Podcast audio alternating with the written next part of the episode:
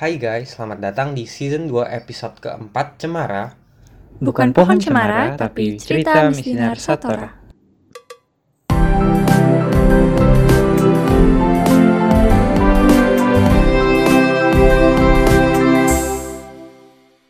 Perkenalkan nama gue Niko Dan nama gue Intan.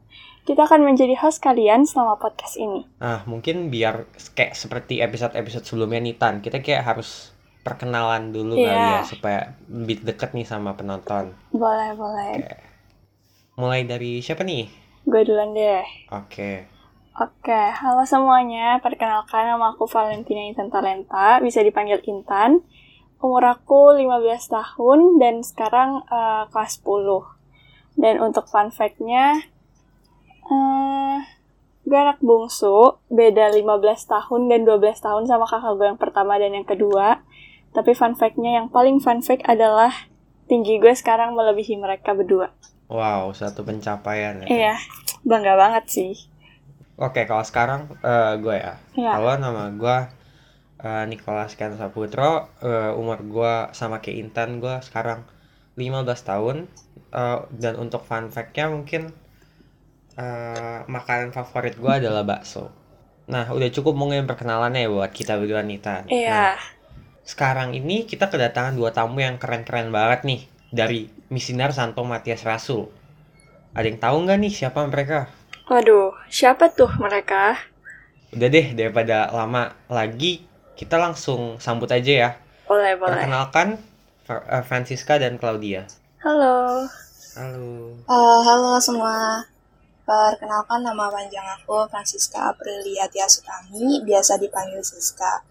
Jabatan aku di Miss Dinar Santo Matias Rasul ini sebagai ketua satu. Eh, hobi aku main basket. Fun fact untuk aku, mungkin aku suka masak. Uh, keren banget sih.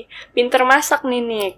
Ah iya, aku sekarang kelas 11 SMK, umur aku 16 tahun. Oke, kalau Claudia, silahkan. Halo semua, nama aku Claudia Dorothy Tumiwa, biasa dipanggil Claudia. Em, jabatan aku sebagai ketua dua di Misinar Santo Matias Rasul.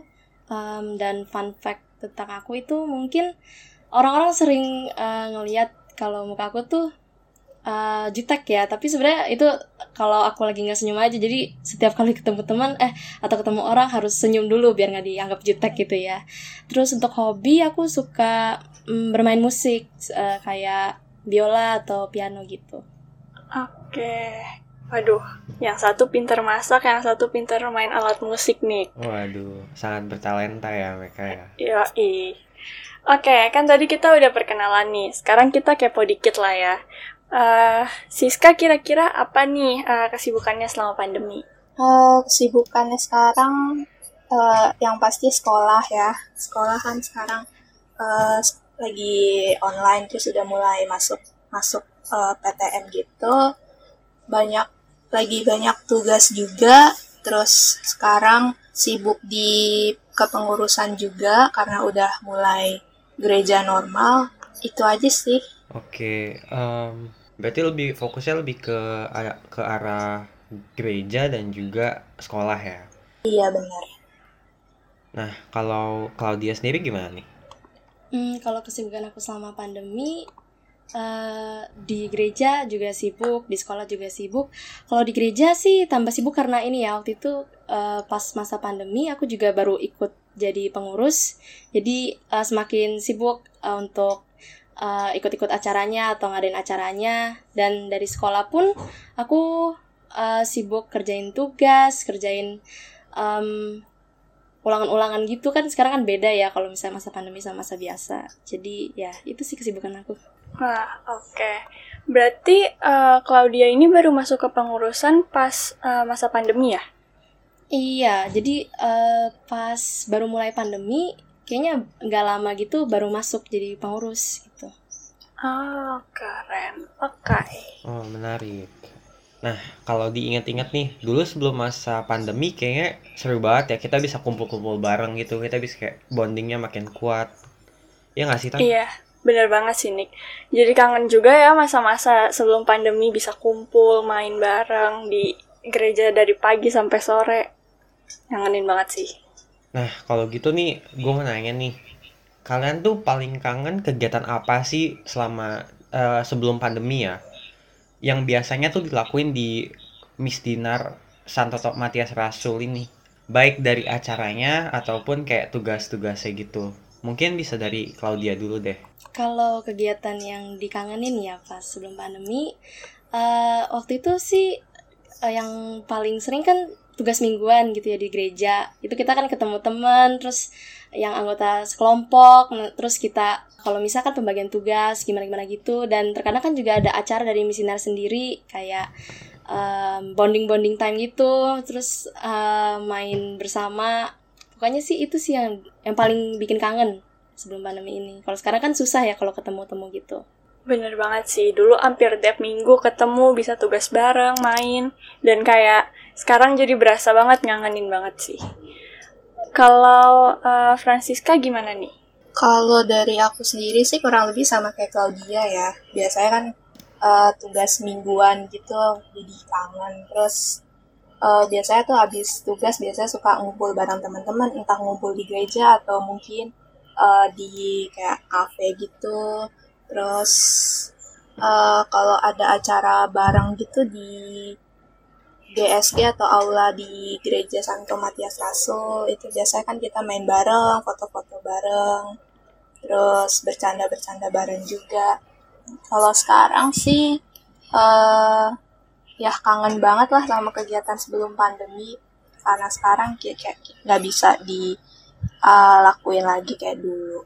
Iya sih bener banget sih. Kayak apa? Kayak walaupun kita secara nggak sadar tapi lama-lama ini pandemi agak meregangkan kita gitu sih. Kalau secara kalau kalau kita tidak berbuat apa-apa. Nah, oke. Kan kita tadi udah ngobrol-ngobrol nih. Sekarang kita punya beberapa pertanyaan buat Francisca dan Claudia. Siap gak? Siap. Siap-siap. Oke. Waduh, harus siap dong ya. Oke, kita langsung mulai aja kali ya. Pertama-tama aku mau tanya nih, kenapa sih kalian mau masuk Miss Dinar? Terus gimana eh, perasaannya pas masuk Miss Dinar? Kalau dari aku pribadi sih awalnya tuh aku kurang tertarik gitu sama Miss Dinar. Kayak ngapain aja sih Miss Dinar? Kayak eh, mungkin agak ribet kalau misalkan gabung jadi Miss Dinar. Tapi lama-lama kayak mikir ngeliatin senior-senior yang udah tugas gitu kayak tugas mingguan, tugas Natal, tugas eh, Paskahan itu kayaknya eh, seru juga ya kalau bisa jadi bagian dari mereka.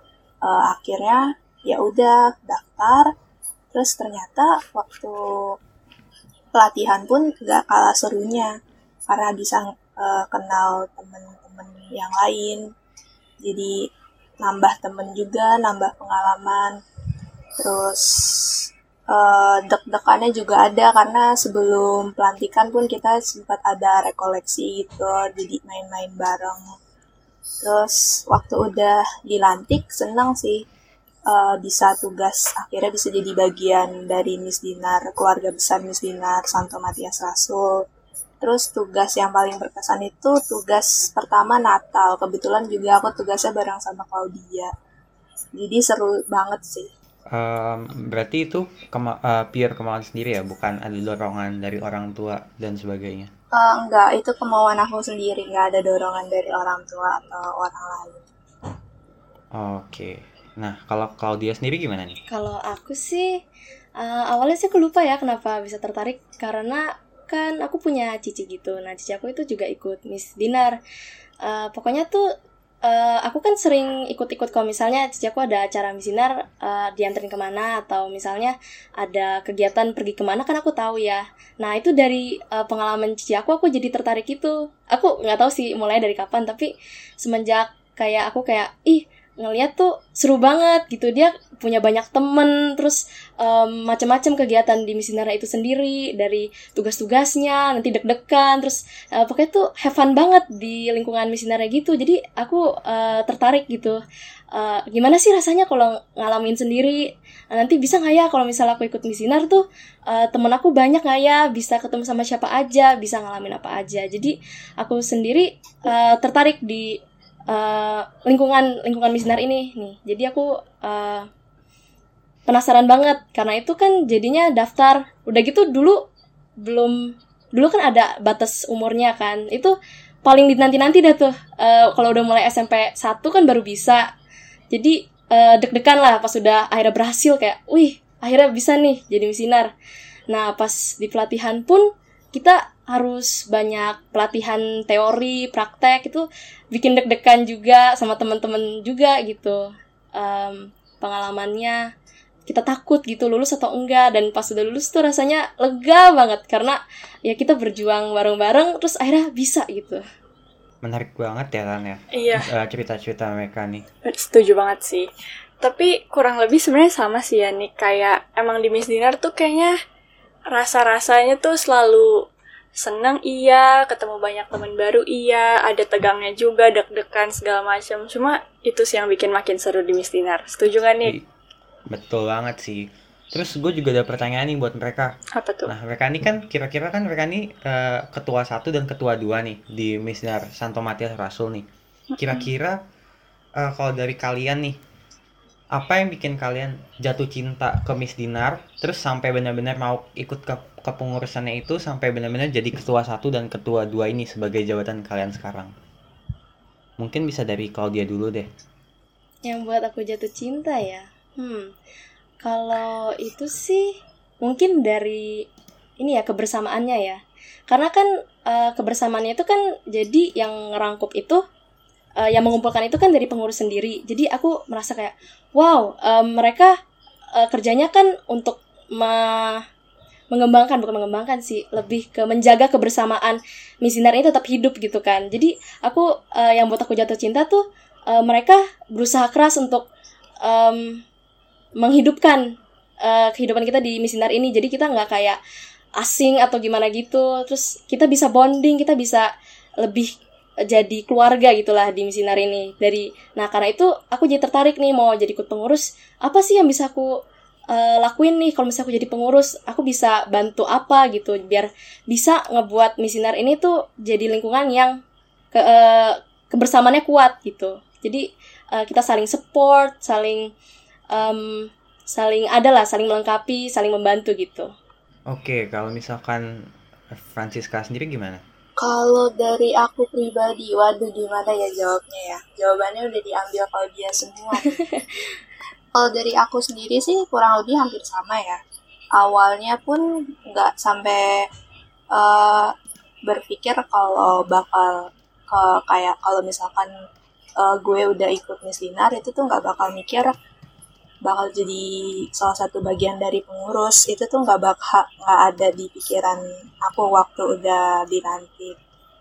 Terus tapi waktu itu ditawari untuk jadi eh, pengurus Miss Dinar awalnya tuh langsung terima karena aku pikir eh, seru juga kalau bisa jadi bagian dari mereka.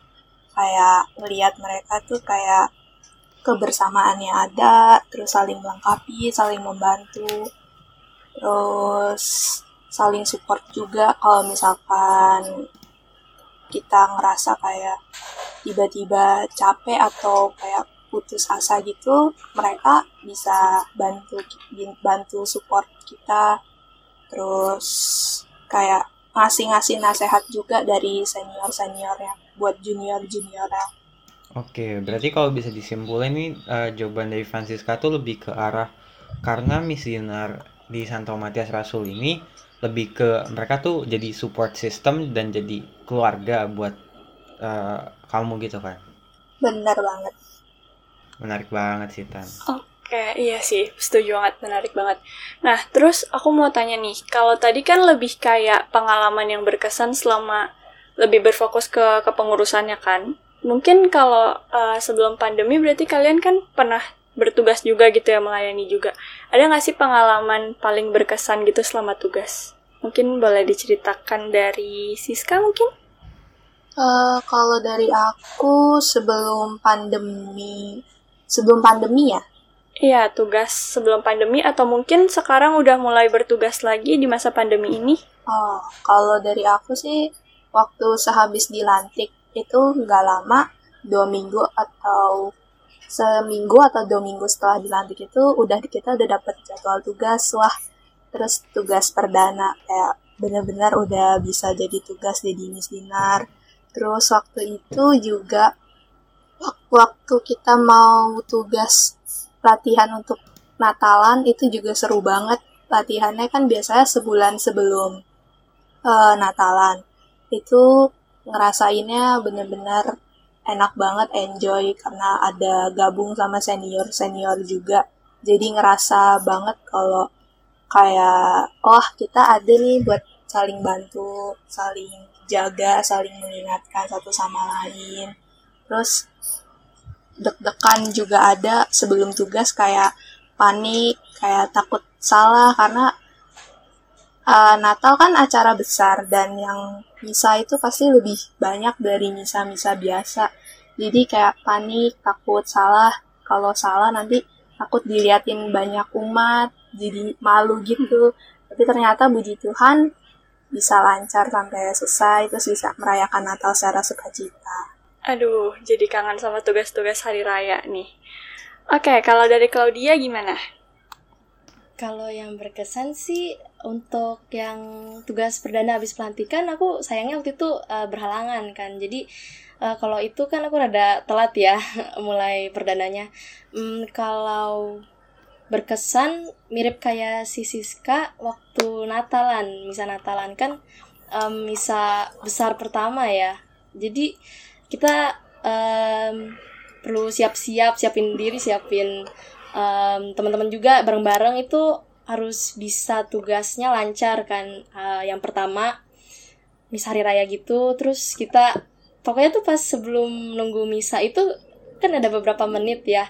Itu kayak kita deg-degan terus kayak aduh gimana nih kalau misalnya salah? Aduh uh, ini betul gak sih begini? Kita kayak saling ngecek-ngecek lagi kita uh, ini betul gak sih gerakannya tuh kayak gini atau tata geraknya atau gimana gitu. Terus uh, untuk latihan ini juga ada. Yang paling berkesan tuh pas latihan untuk paskah ya. Tapi kan kita nggak tahu nih ada pandemi jadinya nggak jadi. Cuma pas latihan misa ha, misa trihari suci untuk paskah itu juga kita kan berinteraksi sama senior uh, sama sama kita juga nih. Uh, itu kan untuk kayak orang-orang yang terpilih yang tugas-tugasnya udah lengkap gitulah Nah itu kita juga berkesan karena itu juga sebulan sebelum kita latihan kita panas-panas kita um, nyampe capek nyampe pegel nyampe ya apa kakinya tuh pegel dan sempet ini ya uh, kayak kepentok-pentok kalau misalnya latihan untuk Jumat Agung gitu kan karena harus bluetooth gitu.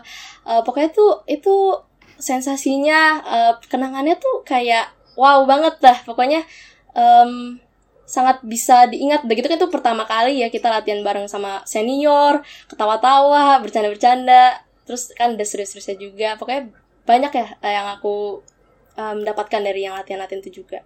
Wah uh, jadi bukan cuma dari ternyata bukan cuma dari tugas ini tan tapi dari pelatihannya juga ada yang menarik juga nih dari mereka iya betul dan uh, udah lama banget ya kita nggak bisa latihan buat uh, misa-misa Natal, Paskah, dan selama latihan tuh yang gue rasain selama ini sih asik banget sih Nick. Walaupun capek, tapi kayak pas nanti udah bisa tugas di hari H itu tuh kayak bener-bener lega yang kayak tadi mereka rasain juga gitu. Bener banget. Nah, kan tadi udah pengalaman dari MPK 2 nih Tan. Mm -mm. Kalau lu sendiri nih, kira-kira tugas yang paling berkesan tuh pas kapan? Tugas yang paling berkesan? Hmm, kayaknya Jumat Agung sih, karena kalau nggak salah gue inget tuh Jumat Agung adalah misa besar pertama yang gue tugas abis dilantik. Jadi itu tuh kayak bener-bener misa besar, terus abis itu kita naik ke atas altar gitu kan buat cium uh, salib, diliatin umat di belakang tuh banyak gitu, terus kayak deg-degan, terus latihannya juga melalui proses yang panjang juga, jadi kayak bener-bener pengen banget lagi buat bisa latihan kayak gitu sih. Semoga pandemi ini cepat hilang ya. Kalau lo sendiri gimana nih? Um, kalau gue sendiri ya, uh, buk ini yang paling berkesan tapi ya yang paling deg-degan juga mungkin ya. Uh, baru baru kemarin. Menurut gue kayak ini berkesan banget. Bukannya karena bukannya karena gue menyampingkan uh, misa hari raya ya. Mm-hmm. misa hari raya gitu-gitu ya. Tapi kayak emang menurut gue ini cukup ber, ini paling berkesan selama ini ini. Karena apa ya? Um, tugas gue kan kalau kalau sekarang ini uh, kita kan udah mulai masuk ke gereja yang misa normal yeah. yang offline betul nah terus tapi masih ada pembatasannya kan mm -mm. untuk yang misdar ini sejauh ini masih kalau membuat misa hari raya gitu maksimal dua iya yeah. nah kemarin itu gue kebetulan kebagian dan ini adalah tugas perdana gue setelah pandemi ini hampir dua tahun ya berarti ya hampir dua tahun tuh yeah. udah agak lupa lupa gitu nah terus yang cukup mengagetkan gue dapetnya tuh malah misa yang uh, sakramen inisiasi di mana ada oh. krisma ada baptisan yeah. terus ada ekaristi juga uh -uh. terus ditambah juga ternyata ada uh, peneguhan pernikahan yeah. nah di situ tuh gue bener-bener kaget terus juga kayak deg-degan juga tapi ya puji Tuhan lancar sih puji jadi kayak Tuhan jadi kayak enak aja tetap gitu. Tapi sebenarnya ya menurut gue setelah gue inget-inget lagi semua misa itu kalau kita tugas tuh jadi berkesan sih. Kayak soalnya setiap kita bertugas ngerasain gak sih kayak punya apa ya uh, ciri khasnya masing-masing gitu. Entah setiap misa terus ntar ada kesalahan atau eh, hal-hal uh, apa yang terjadi di dalam misanya tuh yang bikin kayak gue jadi inget lagi nih kayak oh gue dulu pernah pas misa ini tuh kayak gini kejadian kayak gini gini gini gini. Kalian juga ngerasain gitu gak sih? Kalau gue pribadi sih iya sih. Gue baru kepikir juga ternyata itu cukup emang semua misa tuh emang semua tugasnya itu emang berkesan sih. Ya kan? Kalau menurut iya. Siska sama Claudia gimana nih? Kalian juga ngerasain hal yang sama kah? Atau gimana? Kalau dari aku sih sama sih. Kayak Intan sama Niko juga semuanya semua tugas yang pernah uh, aku atau mungkin kalian lakuin itu pasti berkesan. Kalau aku juga sama sih, karena kan setiap tugas kan pasti adalah uh, salah satu ciri yang membedakan dari satu tugas ke tugas yang lain. Jadi ya semuanya jadi berkesan juga sih jadinya. Bener banget sih. Nah terus uh, karena pandemi, kira-kira ada nggak sih dampak dari COVID-19 ini buat Miss Dinar Santo Matias Rasul sendiri dan uh, bagaimana cara kalian menanganinya selama ini? Uh, kalau dari aku itu ada yang pasti. Uh, kayak uh, salah satu contohnya itu yang latihan untuk di hari suci. Kayak kita udah latihan tapi tiba-tiba batal karena uh, harus ppkm dari yang dua minggu jadi dua tahun uh, terus ribet ada ribetnya juga. Harus karena kan uh, di masa pandemi ini pertama itu Miss Dinar itu kan uh, awalnya nggak diperbolehkan tugas. Jadi harus minta tolong mungkin kayak tim-tim dari gereja sendiri. Tapi karena level PPKM udah berkurang uh, dan Miss Dinar Miss Dinar udah diperbolehkan cuman ada lagi larangan yang mengharuskan 18 tahun ke atas yang hanya diperbolehkan untuk tugas. Agak sedikit susah sih di situ karena kan eh, rata-rata uh, mereka udah punya kesibukan sendiri, jadi kita harus nyesuaiin jadwalnya mereka, harus nanya mereka bisa tugas atau enggak, dan yang paling agak sedikit bikin ribet atau bikin pusing itu kalau misalkan tiba-tiba mendadak ada yang nggak bisa tugas karena sekarang kan uh, kita nggak bisa asal langsung ganti petugas kalau misalkan nggak bisa tugas ada kayak misal kalau di gereja kita tuh kan harus isi G form dulu baru bisa tugas. Uh, kalau misalkan dulu sebelum pandemi, kalau uh, kelompok tugasnya kurang orang, mungkin bisa ngambil dari yang Miss Dinar yang lagi misa pada saat itu. Cuman kan sekarang nggak bisa, jadi mau nggak mau kalau ada yang nggak bisa tugas ya udah Miss Dinarnya tugas sendiri. Cuman karena sekarang Miss Dinar puji Tuhannya 12 sampai 17 itu udah bisa tugas, jadi udah mulai normal lagi sih. Udah kita uh, dari pengurus sendiri udah mulai nyusun-nyusun jadwal, terus nyusun-nyusun pasangan tugas, absen dan segala macam. Wah, uh, berarti uh, udah udah tertangani lah ya buat masalah uh, tugas di gerejanya ini. Kalau misalkan pendapat dari Claudia sendiri nih gimana? Kendala-kendalanya mungkin bukan cuma tugas secara tugasnya tapi mis misalnya bisa secara internal ke kepengurusannya gitu-gitu. Oh, oke. Okay. Kalau dampak uh, COVID-19 uh, tadi sih kayak kata uh, mirip kayak kata Siska yang awal-awal kan uh, kita udah siap-siap untuk yang misa besar tapi sayangnya tiba-tiba nggak jadi kan dah latihan sama sebulan.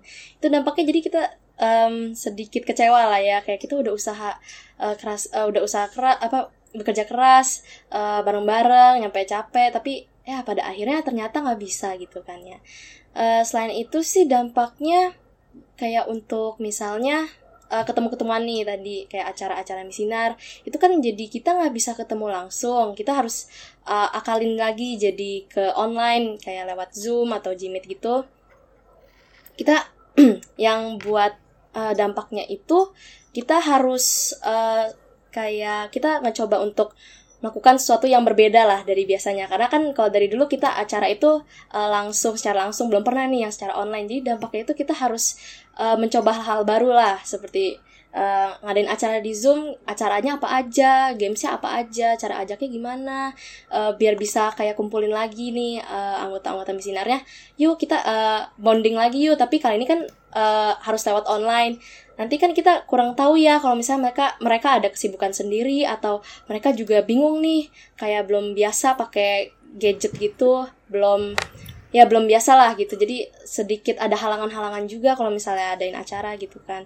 Tapi untuk tangan ini sih kita sekarang uh, coba untuk uh, nge-broadcast acaranya uh, dijelasin mungkin kayak cara-caranya. Mungkin lebih gampang bisa uh, begini atau kita dari jauh-jauh hari udah kayak uh, save the date ya. Nanti kita bakal bonding nih hari ini hari uh, tanggal kapan gitu misalnya. Uh, terus untuk tugas juga kita um, sayangnya kan sempet belum bisa ya kemarin 18 ke atas. Karena yang gen generasi kita pun juga itu lumayan banyak yang masih di bawah 18 jadi dampaknya pun kita yang baru misalnya kayak dilantik sama setahun kurang lebih setahun gitu kita nggak bisa tugas nih Padahal kita baru juga um, coba-coba awal-awal nih baru membiasakan diri untuk uh, tugas-tugas yang harus kita lakuin uh, saat misa atau gimana-gimana gitu. Jadi dampaknya pun kita uh, jadi kehambat kan tugas-tugasnya. Tapi ya seperti kata Siska, puji Tuhan sekarang udah boleh. Jadinya umur 12 tahun sampai uh, 17 udah boleh. Uh, jadi sekarang kita uh, tinggal mulai lagi aja di uh, diatur lagi tugas-tugasnya gimana nih bisanya ikutin protokol kesehatan terus uh, pembagian tugas-tugasnya siapa aja yang bisa yang nanti diganti atau enggak gitu. Mungkin kendalanya sama ya mirip-mirip lah ya sama semua misinar juga. Ya soal masalah tugas soal masalah ya tugas tadi terus juga eh, orang-orang uh, yang mungkin jadi agak males ke ke ke organisasi ini juga. Kayak yang tadi terus penanganannya juga ya karena sol karena masalahnya sama-sama ya penanganannya juga mirip-mirip ya kayak kalau dari kita sendiri juga kita juga mengalami itu terus juga penanganannya juga mirip-mirip sih iya nggak sih Tan? Iya benar sih hampir ya 11-12 lah cara-cara kita Oke, terus berarti uh, selama pandemi ini kan kalian juga ngadain acara ya. Eh, kira-kira uh, kira -kira kita boleh nih dikasih tahu apa aja sih kegiatan-kegiatan yang udah uh, Miss Dina Santo Matias Rasul lakukan selama pandemi? Contoh-contohnya apa aja gitu? Uh, sejauh ini kegiatan-kegiatan yang udah pernah dilakuin online itu tuh kalau dari Misinar Santo Matias Rasul itu tuh kita ada kayak waktu itu ada untuk persiapan JPK kita ada latihan kayak latihan sesuai dengan uh, kriteria kriteria kriteria lomba itu sendiri. Terus kita ada M2R Cup juga uh, kayak lomba-lomba bareng di secara online kayak misalkan kita ngadain lomba masak, lomba bikin poster, terus ada kuis-kuis kayak kuis-kuis menarik gitulah. Terus uh, kita juga ada acara pelepasan barang Miss Dinar yang udah lulus. Terus kita juga ada kayak doa rosario bersama. Sejauh ini itu sih. Mungkin kalau dia bisa menambahkan. Hmm, ya jadi tadi kan ada acara-acara uh, seperti itu. Uh, jadi misalnya acara Natalan atau Paskahan juga kita ada pesta pesta Pasca pesta Natal bersama gitu. Uh, selain itu juga kita ada acara untuk yang generasi baru juga nih yang belum sempet dilantik. Uh, jadi pelantikannya secara online gitu. Uh, kita juga lagi coba untuk um, ngadain acara di mana bisa mensatukan kayak generasi yang baru dengan generasi yang sudah ada gitu ya. Jadi acara kegiatan-kegiatan itu kita um, ngadain acara di mana mereka bisa ngebonding, bisa uh, kenalan lebih dalam lagi, biar nanti mereka nggak kayak awkward gitu ya kalau misalnya udah ketemu lagi. Uh, terus kegiatannya jadi kita adain uh, lomba-lomba kayak tadi, misalnya uh, ada lomba nyanyi juga, terus itu pun juga ada biar tambah menarik ada hadiah-hadiah yang macam-macam gitulah ya biar uh, rame-ramein gitu. Terus untuk generasi yang paling baru juga ini kita ada pelatihan gitu per bulannya. Kita uh, sekalian nge-refresh uh, materi-materi gitu biar mereka yang belum ada pengalaman tugas secara langsung pun bisa tahu gitu kayak oh uh, setidaknya uh, tahu uh, yang mana itu uh, materi yang mana aja gitu. Misalnya tata geraknya atau tanggal-tanggal misalnya atau gimana gitu jadi uh, itu sih kegiatan sama pandemi uh, oke okay. berarti kegiatannya sama kegiatan online-nya sama, pasti ya mirip juga lah ya karena emang organisasinya sama cuma beda paroki doang ya, Betul. ya kita juga kita juga sama sih ya kan kan kayak mereka bikin uh, pesta pesta pasca kita juga bikin iya. terus kita juga bikin pesta natal juga mm -mm. terus uh, rosario bersama pelepasan alumni. Terus juga uh, yang terus juga ada buat Tarsisius Day gitu-gitu kan tan? Iya betul. Waduh ini langsung dari heads acaranya nih yang menjelaskan. Luar biasa. Tapi dengar-dengar juga kayaknya ada kayaknya Miss Satora juga bakal ngebuat satu program nih tan. Waduh apa tuh Nick? Kayak mereka lagi apa buat bakti sosial gitu sih tan oh ya terus juga asik banget sekarang ini baru dimulai penjualannya hmm, penjualan apa aja tuh nih kalau untuk batch pertama ini sih uh, bakal dibuka mengenai ya merch merchandise gitu-gitu sih Hmm. Terus juga ada kalender dari OMK Satora. Wah, cara pesannya gimana tuh nih? Cara pesannya bisa lewat Google Form. Nah, Google Formnya itu udah ada di bio Instagram Mister Satora. Nah, Oke, mungkin yang para pendengar podcast ini bisa dicek ya nanti. Atau bisa juga langsung dipesan sih. Sabi banget itu. Sabi banget sih. Jadi save the date aja batch pertama itu mulainya dari uh, hari Jumat kemarin di eh, dari hari Sabtu kemarin di tanggal 20 sampai 3 Desember dan batch keduanya bakal dimulai tanggal 5 Desember sampai uh, dua minggu ke depannya yaitu di 19 Desember. Wah, oke. Okay.